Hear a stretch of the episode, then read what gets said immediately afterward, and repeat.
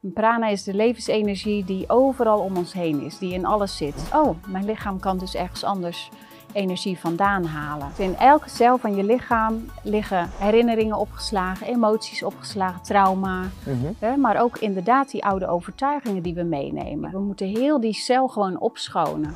Maar er zit heel veel hè, Ja. ingebracht van vroeger, van als je niet eet ga je dood. Ja, want straks mag ik de supermarkt niet meer in of dan is er geen eten meer in de supermarkt. Dus dan ga ik dit doen, want dit is de oplossing.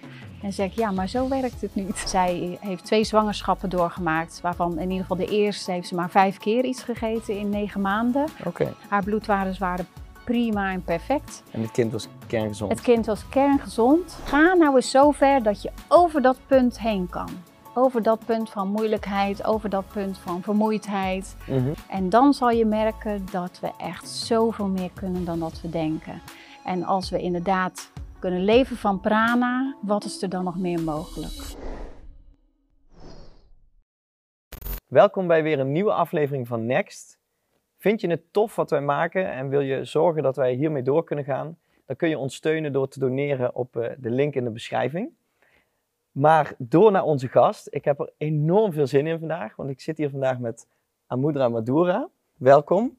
Eh Amudra is orthomoleculair voedingsdeskundige, eh, ex-Miss Fitness deelnemster en al 20 jaar ook ondernemer. Ze is dus dagelijks bezig met sport en voeding. Maar we gaan het vandaag hebben over prana, oftewel levensenergie. Dus eigenlijk het niet eten. Vertel daar eens wat over.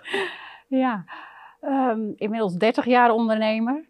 Want ik ben inmiddels 50, dus ik ben op de 20ste begonnen. Ja, is nog nooit voor iemand gewerkt eigenlijk.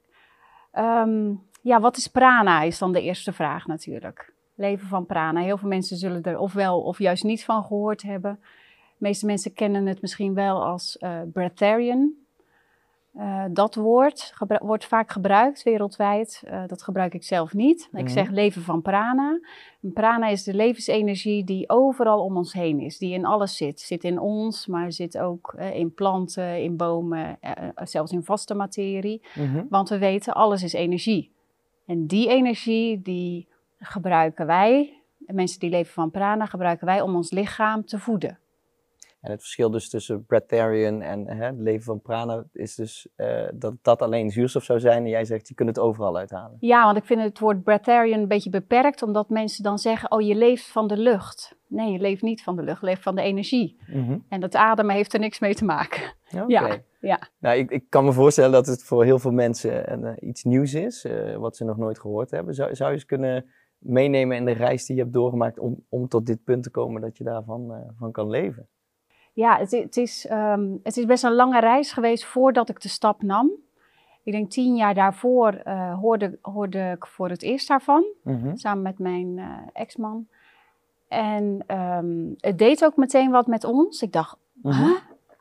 Het was echt een botsing in mijn hoofd. Want inderdaad, hè, in mijn sport, eh, sportverleden was ik alleen maar altijd bezig. En in, ik had een praktijk, een voedingspraktijk. Alleen maar bezig met voeding en sport en eh, bloedwaardes en supplementen en vitamines en eiwitshakes en alles. Alles om dat lichaam optimaal eh, te verzorgen. En zo gezond mogelijk en zo, zo mooi mogelijk en zo best mogelijk eigenlijk. Dus al die kennis die ik had in mijn hoofd, Werd helemaal overhoop gegooid. die, mijn mind die dacht echt meteen van, dat kan niet. Hè? Zoals heel veel mensen de eerste reactie zullen hebben van, oh dat bestaat niet, Mhm. dat dat kan. Uh, maar het deed wel wat van binnen. Dus het bleef wel hangen ook. En ik dacht, oh, ik moet daar wel even naar kijken. Wat dat nou precies is en wat het inhoudt. En ehm, toen kon ik eigenlijk niet iemand dichtbij vinden. Want ik zeg, als het kan, wil ik heel graag iemand, een Nederlander, zien. Mhm. Live zien en voelen en ervaren. Want ik moet echt weten dat het echt is. Ja. En het enige wat ik kon vinden was dan Jess Moheen in Australië. Die doet het al heel lang. En, eh, maar ja, dat is zo ver weg en via internet. En dan dacht ik, ja, daar heb ik gewoon niks mee. Ik vond het ook een beetje zweverig, zeg maar, eh, toen. En ehm, dus ik heb dat even gelaten. Maar elke keer kwam dat wel terug. En ik ben wel van, van de extreme een beetje. Mhm. Dus ik ben van eh, alles eter in de sport. Want toen dachten we nog dat we echt dierlijke eiwitten nodig hadden om gespierd te worden. Eh, inmiddels weten we dat dat helemaal niet nodig is. Dus Want van, je kon dezelfde resultaten bereiken op prana dan dat je kon toen je nog dan zou, at. dat zou ik nu heel makkelijk kunnen. Ja, ja, maar toen had ik natuurlijk nog alles. Ehm, dus toen ben ik, toen ik gestopt ben met de sport, ben ik vegetarisch geworden. Toen veganistisch. Toen ehm, zelfs een jaar fruitarian geweest. Dus alleen fruit en noten en zaden gegeten. En heel veel voedingssupplementen. Want ik was er ook van overtuigd dat als ik zo eh, apart ging eten, dat ik wel bepaalde vitamines extra nodig had. Hè, ze zeggen ook altijd, als je geen dierlijke eh, producten meer eet, krijg je vitamine B12 tekort. Mhm. Dus vitamine B12. Maar ik had echt een hele batterij. Ik had echt heel veel vitamines en eh, mineralen die ik bijslikte. Maar het is wel mooi om te horen dat je dus echt stap voor stap toe hebt gewerkt naar, naar dit punt. Ja, niet helemaal. Niet helemaal. Nee, want vanuit dat fruitarian ben ik naar liquidarian gegaan. Dat is dan alleen sappen. Mhm. En eh, toen woonde ik even op Aruba, dus dat was daar makkelijk. Maar ik merkte wel aan mijn lichaam toen dat als er alleen sappen of alleen fruit in ging, dat ik enorm veel energie over had. Want dat spijsverteringssysteem van ons kost natuurlijk heel veel energie. En als dat niet zo hard moet werken, hou je die energie over. En dat merkte ik toen al. Toen dacht ik, oh, dit is wel interessant wat er gebeurt. Je had te veel energie. Nou ja, heel veel energie Heel veel, in ieder geval. Ik dacht, oh, dat is wel lekker. Eh, toen kwam ik weer terug naar Nederland. Toen ben ik toch weer eh, vegetarisch gaan eten. Omdat het gewoon makkelijker was in die periode. Maar op den duur, toen ging ik ook weer eh, wat opzoeken over het leven van prana. En toen kon ik ineens wel wat andere mensen vinden, pranic teachers dan, Mhm. in de wereld. En toen kreeg ik veel meer beeld daarvan eigenlijk. Van oké, wat is het nu? Het is niet, je mag nooit meer eten of je kan nooit meer eten.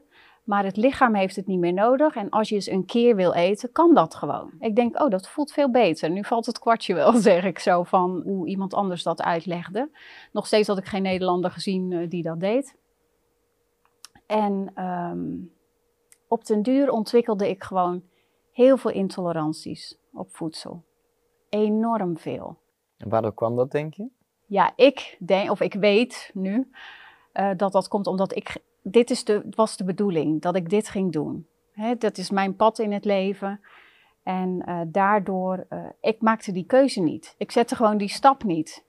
Dus mijn onderbewustzijn heeft dat gewoon afgedwongen, zeg ik altijd maar. Hè, die zorgde er gewoon voor dat ik gewoon nergens meer tegen kon. Dus toen Mhm. moest ik die keuze wel maken. Toen dacht ik, oh nou, nou, nu is blijkbaar de tijd om dat te doen. Dus je voelde je daar heel erg in gestuurd. Ja, ja. Met mijn partner toen eh, zijn we dat samen gaan doen.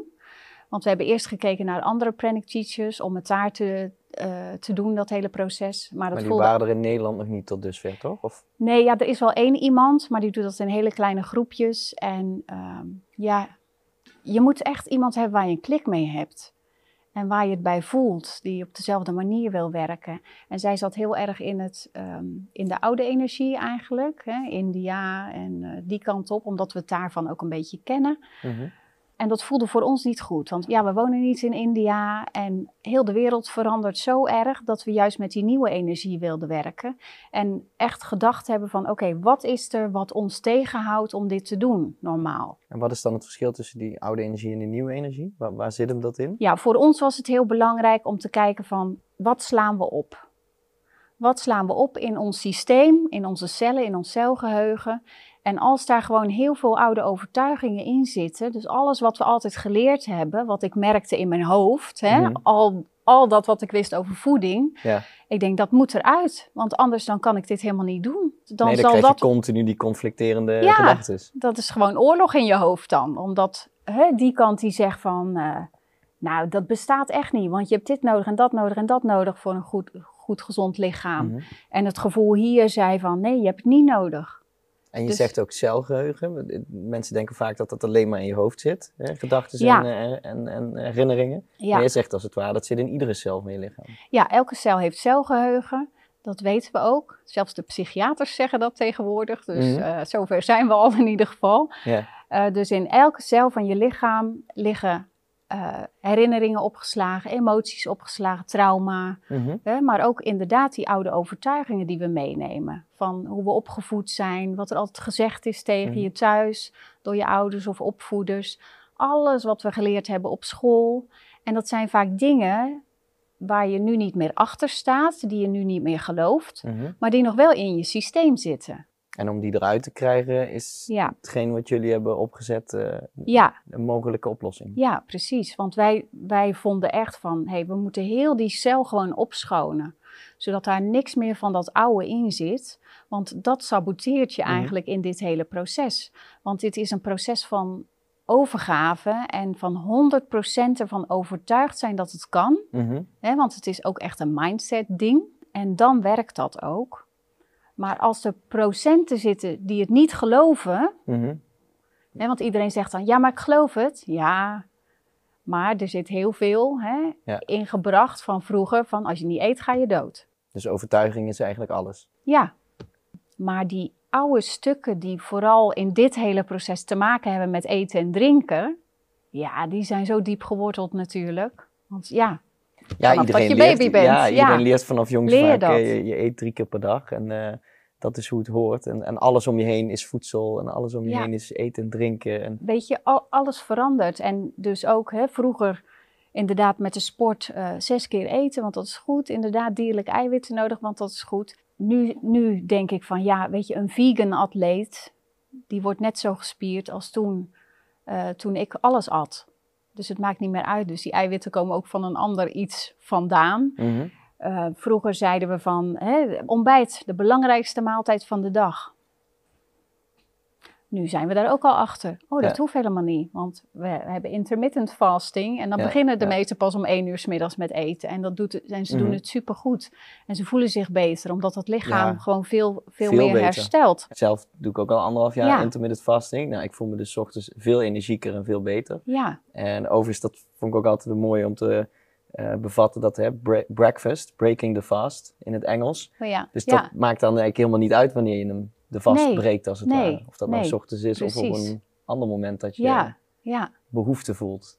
Ja, want dit is ook een heel proces ehm, waarin je heel dicht bij jezelf komt, bij je zijn, Mhm. zeg ik altijd maar. Je leert heel goed voelen in je lichaam. Waar heb jij behoefte aan? Of wat gebeurt er in je lichaam? Want helemaal in deze maatschappij zijn we natuurlijk zo naar buiten gericht altijd, dat we eigenlijk vergeten eh, naar binnen te keren om, om te voelen van, oh, maar wat, wat is nou mijn waarheid? Sowieso in deze Mhm, tijd. ja. Wat is mijn waarheid? Neem niet zomaar iets van iemand anders aan. Ja. Maar voel bij jezelf wat het met je doet. De- dit hele proces naar het leven van prana, voor de mensen die het ondergaan, is het leren voelen en dicht bij zichzelf komen. En heel bewust worden van zichzelf van, hé, hey, maar wat is er nu goed op dit moment in deze periode in mijn leven? En hoe ga ik dat aanpakken? Mhm. Want ze worden ook heel stevig, sterk in hun energie. Dus ze zetten zichzelf ook neer. En dat is zo mooi. Ze laten zich niet meer beïnvloeden door andere Ja. mensen. Ik vind het he- hele proces echt een, ik zeg altijd een proces Ja. van nederigheid. Ehm, dus vooral niet dat je je beter of verder voelt dan een ander. Maar ik vind het een heel proces van nederigheid, omdat je juist de ander kan zien hoe die is. In al zijn mooie en minder mooie kanten. En, en dat je dan naar iemand kijkt en denkt: oh ja, dit Mhm. past bij jou. Dit is wie Ja. jij bent. In zijn of haar volledigheid als het ware. Ja, ja. ja. dat is echt heel mooi hoe dat werkt. Ja, en misschien Ja. ook een mooi brugje naar wat er nu allemaal speelt om ons heen. Ja, Het is eigenlijk hè, een, een soort externe ja, Ja. oorlog als het ware. Maar dit is als het ware de interne oorlog die je met jezelf aangaat om vervolgens die volledige vrede te kunnen voelen. ja. Als je hem metaforisch ja, precies. insteekt. Ja, dus heel dat? erg naar jezelf toe. En natuurlijk in deze tijd is het gewoon eh, inderdaad hoe ik het bekijk. mhm. Ik bekijk het van een afstandje als observeerder eigenlijk. Ik vind het een hele interessante tijd. Ik heb ook geen mening erover. En eh, mensen vinden dat wel eens raar, maar ik zeg ja, het, het is alsof ik het zie. En ik zie wat er gebeurt, wat zich uitspeelt en wat, eh, hoe mensen acteren en wat ze allemaal doen. Mhm. En ja, dat is hoe het moet zijn, zeg ik altijd. Ik geloof wel in het goddelijk plan dat dat uitgespeeld wordt en dat het Ja. precies zo gaat zoals het moet gaan. Dus dat en we dat er- eigenlijk allemaal figureren in een, in een ja, Nou, dat je- film. Dat die... je jouw rol speelt zoals het moet zijn, ja. En daarom eh, voel ik me ook niet aangetrokken om op de barricade te springen, want daar ben ik blijkbaar niet voor. Anders had ik wel dat gevoel gehad dat ik dat moest doen. Ik ben ook niet iemand die mijn kop in het zand steekt, want dat krijg je dan wel eens op je af, hè, van ja, Mhm. maar ik zeg nee, want ik hoor alles, maar ik zit er gewoon op een andere manier in. En doordat ik het van een afstandje bekijk, beïnvloedt het me ook niet. Dus het doet eigenlijk Mhm. niks met mijn systeem. Ik word er niet boos om, ik word er niet verdrietig om. Ik bekijk het en ik denk van, oh, interessant. Maar eigenlijk doe je, doe je daardoor juist iets heel belangrijks voor het collectief, want je houdt je eigen vibraties hoog. Je Ja, bent allemaal andere mensen aan het ja, opleiden, zou je wel kunnen noemen, ja, om ook heel hoog te vibreren. En dat is volgens mij eh, het meest waardevolle voor, voor ons allemaal om te, om te doen. ja, dat is zo. Ja, dus dat, daar ben ik me wel van bewust, inderdaad. Dat als, als er meer mensen gaan leven van prana en dat hele hè, echt bij zichzelf kunnen komen in hun zijn en in hun eh, compleetheid, hoe Mhm. ik dat noem, dat, ja, dat het gewoon heel goed is voor iedereen. Niet alleen eh, voor mensen zelf, maar ook voor de aarde natuurlijk. Ja, want dit- als je dit laat indalen, ook voor de kijker, dit is zo ontzettend revolutionair wat, wat jij eigenlijk nu doet en wat je anderen leert. Want ja, je noemt het woord eh, aarde en duurzaamheid. Dit is het meest duurzame wat je als mens volgens mij voor je omgeving eh, kan doen. Ja, want, want eh, ik eet dan, eh, want daar hebben we het nog niet over gehad, maar ik eet dan door de week eigenlijk nooit. En alleen in het weekend eet ik wel eens wat als, als ik een sociaal iets heb. Want hè, we leven in het Westen en eten is ook een sociaal iets Mhm. en iets dat mensen verbindt. En dat vind ik wel heel belangrijk. Dus, eh, dus nu is het zo dat ik in het weekend wel eens wat eet. Ehm, ik drink wel trouwens. Eh, ook niet omdat het moet. Maar gewoon omdat je Maar- dat voelt. Ja, omdat ik wel eens eh, thee of een kopje koffie vind ik wel eens lekker. Gewoon ook voor de smaak. Maar ook om een pauzemomentje in te lassen. Mhm. Maar ik weet dat ik het niet nodig heb. Dat heeft geen negatief effect op de gezondheid van je lichaam dan. Nee, dat, dat beetje drinken niet.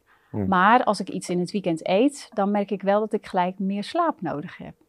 Ja, omdat je natuurlijk een soort suikerrush krijgt en daarna moet je lichaam weer herstellen. Je lichaam moet herstellen, want je spijsvertering gaat weer aan de slag. Mhm. En eh, dat kost weer heel veel energie. Dus ja, dan moet je gelijk langer slapen. En, en alcohol, drink je wel eens een glaasje wijn bijvoorbeeld? Af en of- toe wel eens een glaasje wijn.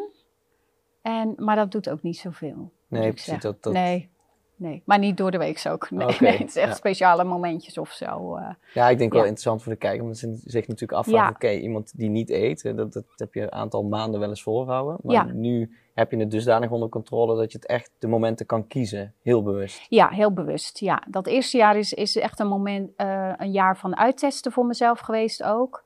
Hè, ook inderdaad drie maanden achter elkaar gewoon niks eten. Want wat doet het dan met je lichaam als je dan wel weer iets eet? Mhm. Hè, ik, vond het, ja, ik ben best wetenschappelijk daarin gedoken van, ik, ik vind dat heel interessant. Wat doet het allemaal? Ehm, en dan dacht ik, oh, nou, ik kan alles gewoon weer eten. En heel wonderlijk. En dan zeggen ze van, ah ja, dan kan je natuurlijk een heel klein beetje eten, want je maag is dan zo gekrompen. Mhm. Nou, niks maag gekrompen, kon gewoon een hele pizza in. dan zat ik wel dus- vol, maar ik denk, nou, die maag direct gewoon mee Ja. blijkbaar. Dus dat, dat is De ook een fabeltje. Ja, dat is ook een overtuiging die we hebben. Ja. En als je nu kijkt naar hè, wat, wat zou dit voor waarde kunnen hebben voor, voor de mensen die kijken. Zelf ja, heb ik een aantal keren nu 72 uur gevast. Ehm, met ups en downs, maar ik merkte ook wel de, de voordelen ervan. Ja. Ehm, ja, wat, wat zijn de grootste voordelen voor mensen om hiermee te starten?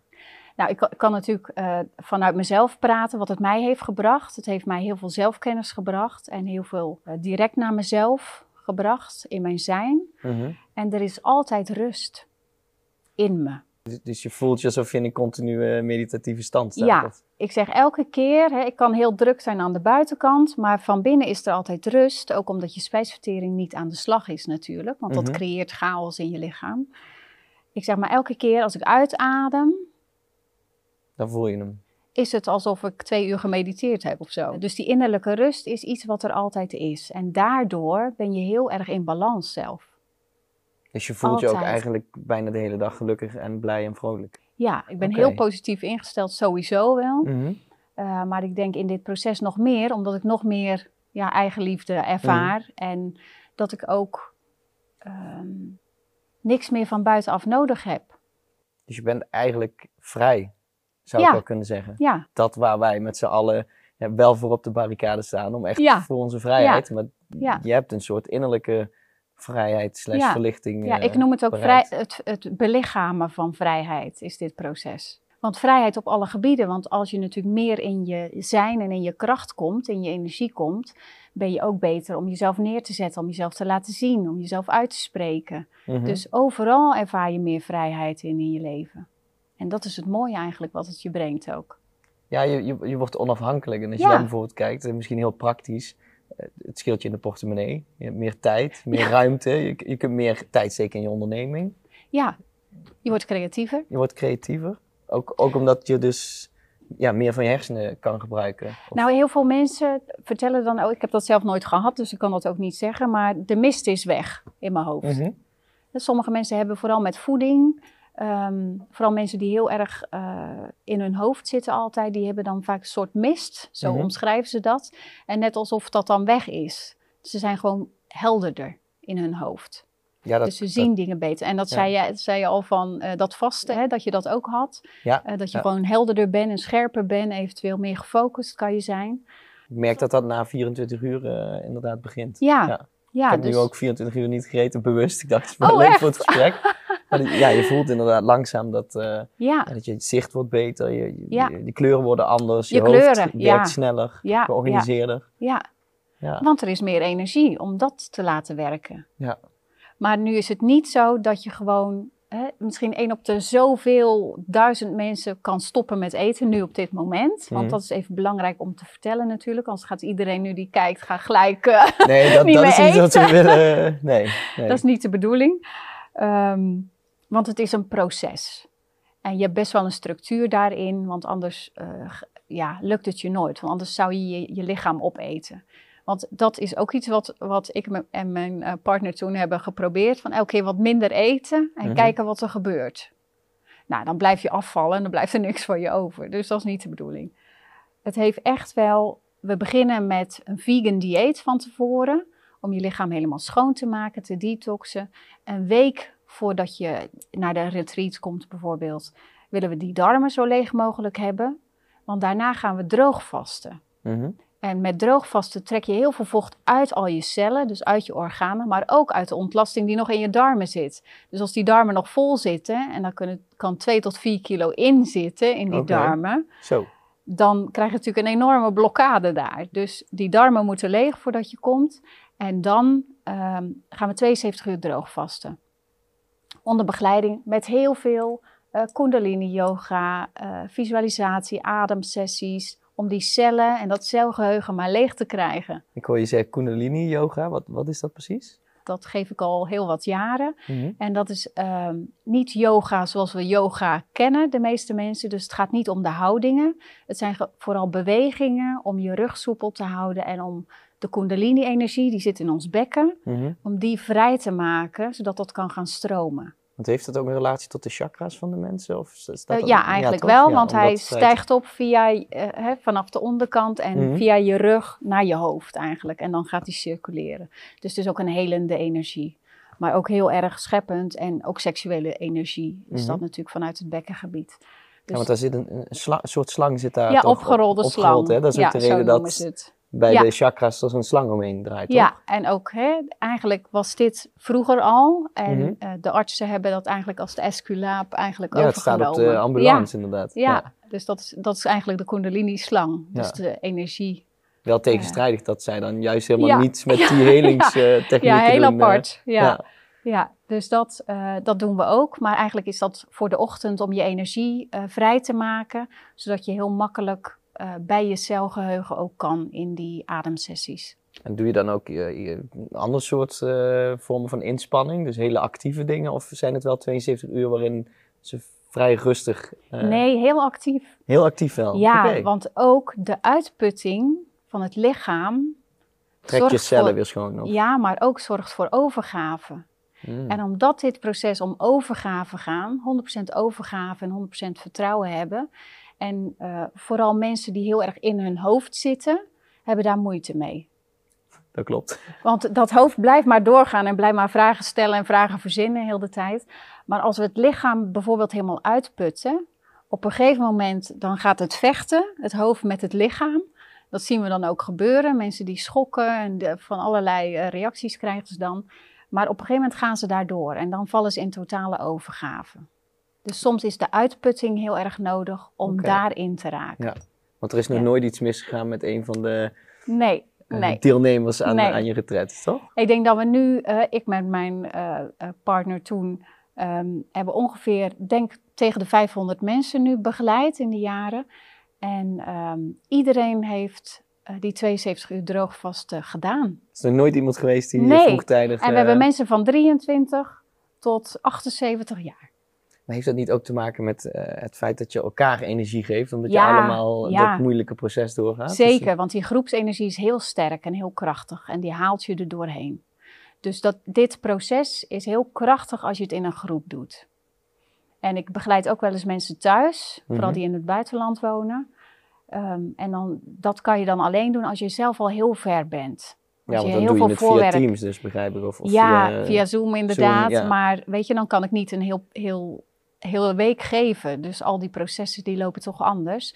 Dus je moet heel veel voorwerk gedaan hebben daarvoor, want anders dan is het gewoon heel moeilijk. Ja. Want dan kun je natuurlijk die energie moeilijker overbrengen naar degene ja. achter het uh, scherm aan de overkant. Dus die groepsenergie draagt je gewoon en haalt je gewoon door dat proces heen. En uh, hè, na die 72 uur droogvasten en in die 72 uur, hè, mensen worden natuurlijk zwakker, dat snap je. Die eerste mm. dag leef je eigenlijk nog op alles wat je nog in je systeem hebt zitten van de dag ervoor. Dus je glycogeen, glucose. Ja, je glycogenen ja. vanuit je spieren en je lever verbruik je natuurlijk op. En daarna uh, is dat op. Dus die tweede dag voelen mensen zich altijd wat zwakker. Mm -hmm. Ook wordt je bloed iets dikker, omdat daar ook het vocht uit onttrokken wordt. En daardoor daalt de bloeddruk vaak. Dus het hart gaat ook harder en vaak sneller kloppen.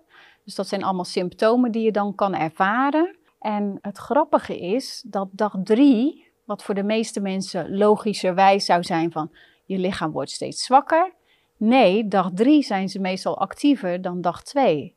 En dat is heel goed voor, hè, voor dat weten in je lichaam van, mm -hmm. oh, mijn lichaam kan dus ergens anders energie vandaan halen. Dat heb ik overigens twee keer precies zo ervaren. Ja, ja. ja dus dat je de derde dat, dag weer zoiets had van, oh, ik kan weer sporten oh, en ja. opdrukken ging perfect. En, ja, ja, precies. Heel bijzonder. Ja, en door het droogvasten halen we natuurlijk heel veel water.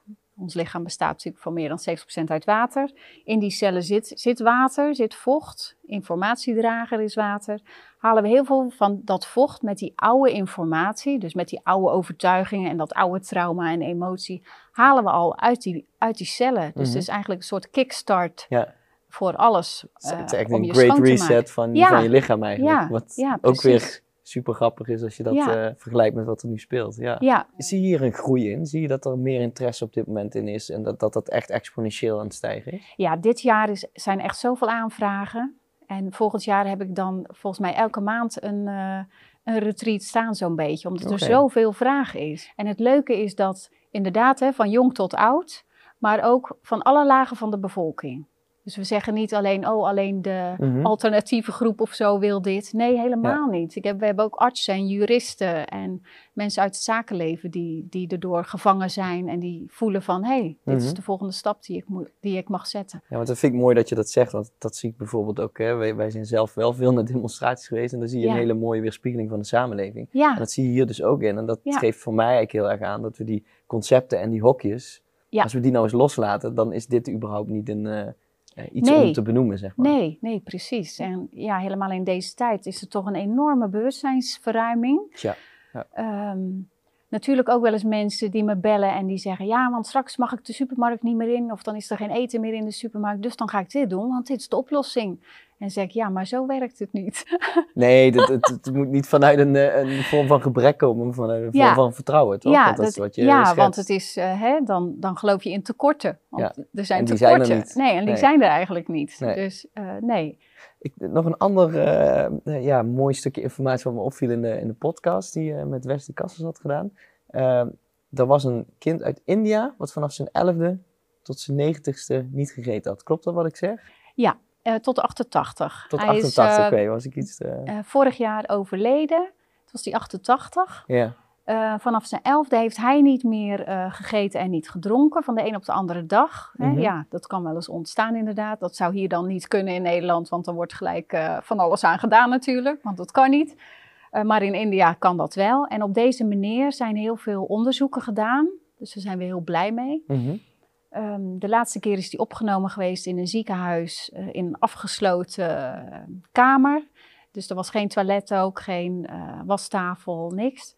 En het ging erom, omdat ze wilden weten of zijn nieren nog werkten. Want dat is natuurlijk ook vaak een vraag. Ja, we hebben al die organen. Waarom hebben we al die organen? als je blijkbaar niet hoeft te eten. Nou, merendeel van de mensen eet gewoon. En we Mhm. weten als het, een, ehm, als het een evolutionaire stap is, gaan daar natuurlijk duizenden jaren overheen. En ik eet nog wel af en toe iets. Dus ja, dan is het wel makkelijk dat je alles nog hebt. Mhm. Maar bij deze man was het een zelfregulerend systeem geworden. Dus het ene moment op de dag zagen ze dat er urine in zijn blaas zat. En het andere moment was het weg. En dat betekent dus, omdat hij geen afvalstoffen eigenlijk meer had, omdat er niks meer in kwam, dat, dat het lichaam het zelf weer opnam, dat vocht, en weer verwerkte. En dat is natuurlijk heel bijzonder. Dus eigenlijk om de eigen organen in stand te houden, Ja, werd het zelfregulerend. ja. Dus al dat eh, eh, inslaan van toiletpapier hoeft dan ook niet meer. dat Ja, ik denk dat wij mensen niet half eh, in de gaten hebben wat we allemaal kunnen. En dat is hier een heel mooi voorbeeld van. Want het is misschien een, een bruggetje naar hè, kinderen. Die vaak, volgens mij, als ze jong zijn, helemaal geen zin hebben om s'avonds aan tafel een, een eten op te Ja. eten. Zou dat dan een, misschien wel een, een dieper weten van het kind zijn? Wat gewoon zoiets heeft van, ik heb energie genoeg, waarom moet ik in godsnaam nu eten? Zou, zou dat kunnen? Of, of- Eh, ja, dit is altijd een beetje een precair onderwerp ik. natuurlijk. Maar ehm, ehm, ik ben er wel van overtuigd dat, eh, dat we daar beter naar moeten kijken. Hè, het zal niet altijd zo zijn, maar ik denk best helemaal in de tijd waarin we nu leven, dat gewoon kinderen geboren worden die het weten al hebben dat ze helemaal niet zoveel voeding nodig hebben. En we weten natuurlijk ook, eh, er is ook een gezin, eh, ook pranic teachers zijn dat, vanuit Amerika dan. Die hebben twee kinderen en zij heeft twee zwangerschappen doorgemaakt, waarvan in ieder geval de eerste heeft ze maar vijf keer iets gegeten in negen maanden. Oké, Haar bloedwaardes waren prima en perfect. en het kind was kerngezond. Het kind was kerngezond, want het lichaam werkt gewoon optimaal. Want mensen zeggen dan, ja, maar werkt het dan nog? Ja, dus ze heeft een fantastische zwangerschap gehad. Ze heeft gewoon twee jaar borstvoeding gegeven. Want alles werkt, Mhm. dus ook dat werkt gewoon. Mooi. Ja, Zijn er verder nog dingen over hè, jouw ervaringen, wat je allemaal hebt meegemaakt, dat je nog, nog kwijt wil aan de kijker? Waar je zegt, van, nou, dat, dat is echt iets waar ze Eh, voor morgen mee aan de slag kunnen. Hmm. Ja, toch eens kijken van, hè, heb ik heel veel voedselintoleranties opgebouwd? Hè, ik hoor heel veel mensen die eh, darmklachten hebben, heel veel darmklachten, opgezette buiken. En eh, we hebben zoveel diëten. En eh, dan hoor ik weer, oh, ik ben eh, raw vegan geworden. En eh, die is weer wat anders aan het doen, want dat is gezond. Ik zeg, ja, maar misschien niet voor jou. Het is voor iedereen anders. Voor iedereen is het anders. Dus, dus leren voelen, wat wil mijn lichaam eigenlijk? En dat is heel veel uittesten natuurlijk, om te kijken. En inderdaad, eh, hou alsjeblieft niet meer vast aan dat eh, drie keer per dag eh, grote maaltijden eten, want dat is helemaal niet nodig. En doorbreek je patronen, want dat scheelt al heel veel. In alles, doorbreek je patronen. Dit hele proces is ook over patronen zien Mm. en doorbreken. Dus ga eens proberen te voelen in je lichaam. hey, wanneer vraagt mijn lichaam nou echt om eten? En de eerste dag is het nog omdat je dan altijd eet. Mhm. Dus dat is een patroon en je lichaam weet dat ook. Een soort interne klok die dan zegt, oh, het is eh één uur, ik moet Mhm. eten. Maar ga daar nou eens even doorheen, een paar dagen. En kijk dan eens van, oké, wanneer kan ik nu echt voelen wanneer ik iets nodig heb bijvoorbeeld. Dus het leren voelen, wat heb je nodig op dit moment, is eigenlijk een heel belangrijk iets. Ja, en het vertrouwen durven te hebben dat je daar doorheen kan breken. Want Ja. ik vind al een hele mooie quote. Volgens mij, uh, Thibaut benoemt hij altijd, weerstand maakt weerbaar. Maar Ja. hij zegt, we zijn in zo'n ja, grote comfortwereld eh, opgegroeid. Dat Ja. we dus uh, bij het minst of geringste stukje weerstand, en geven we daaraan toe. Ja. En jij zegt eigenlijk, breek daar doorheen. Ga nou eens zo ver dat je over dat punt heen kan. Over dat punt van moeilijkheid, over dat punt van vermoeidheid, Mhm. over dat punt van uitputting. En dan zal je merken dat we echt zoveel meer kunnen dan dat we denken. En als we inderdaad kunnen leven van prana, wat is er dan nog meer mogelijk? En wat is er allemaal niet waar, wat Ja, we altijd hebben ja. geloofd dat waar was? Ik vind het echt prachtig wat je allemaal verteld hebt. Ik denk dat ik hier ook langzaam ga afronden, want je bent het levende bewijs. Je laat het heel mooi zien. Eh, het is duurzaam. Ja, je, je, zeker. je gebruikt of verbruikt veel minder grondstoffen. Ja. Je hebt meer energie. Je Ja. ziet er stralend uit. Eh, ja, het is echt revolutionair. Het is echt prachtig. Dus ik zou ook echt iedereen eh, ja, willen adviseren van ga er eens stap voor stap mee aan de slag. Kijk wat je mooi zegt, niet van de een op de andere dag denken dat je van prana nee, kan nee. leven. Nee, nee, nee. Maar bijvoorbeeld zoals ik gedaan heb, hè, eerst intermittent fasting, af en toe wat meer dagen vasten. En eh, ja, mocht je echt geïnteresseerd zijn, dan zou ik ze zeker aanraden om... eh, kunnen bij jou zo'n eh, retreat te ja, doen. Ik ben in ieder geval geïnteresseerd. Ja, ja, ja. Nou, super dankjewel voor dit, uh, voor dit gesprek. Uh, ik hoop dat de kijker er iets aan gehad heeft. Nou, als jullie vragen hebben, kunnen jullie ons natuurlijk altijd contacten of met Amuda contact opnemen.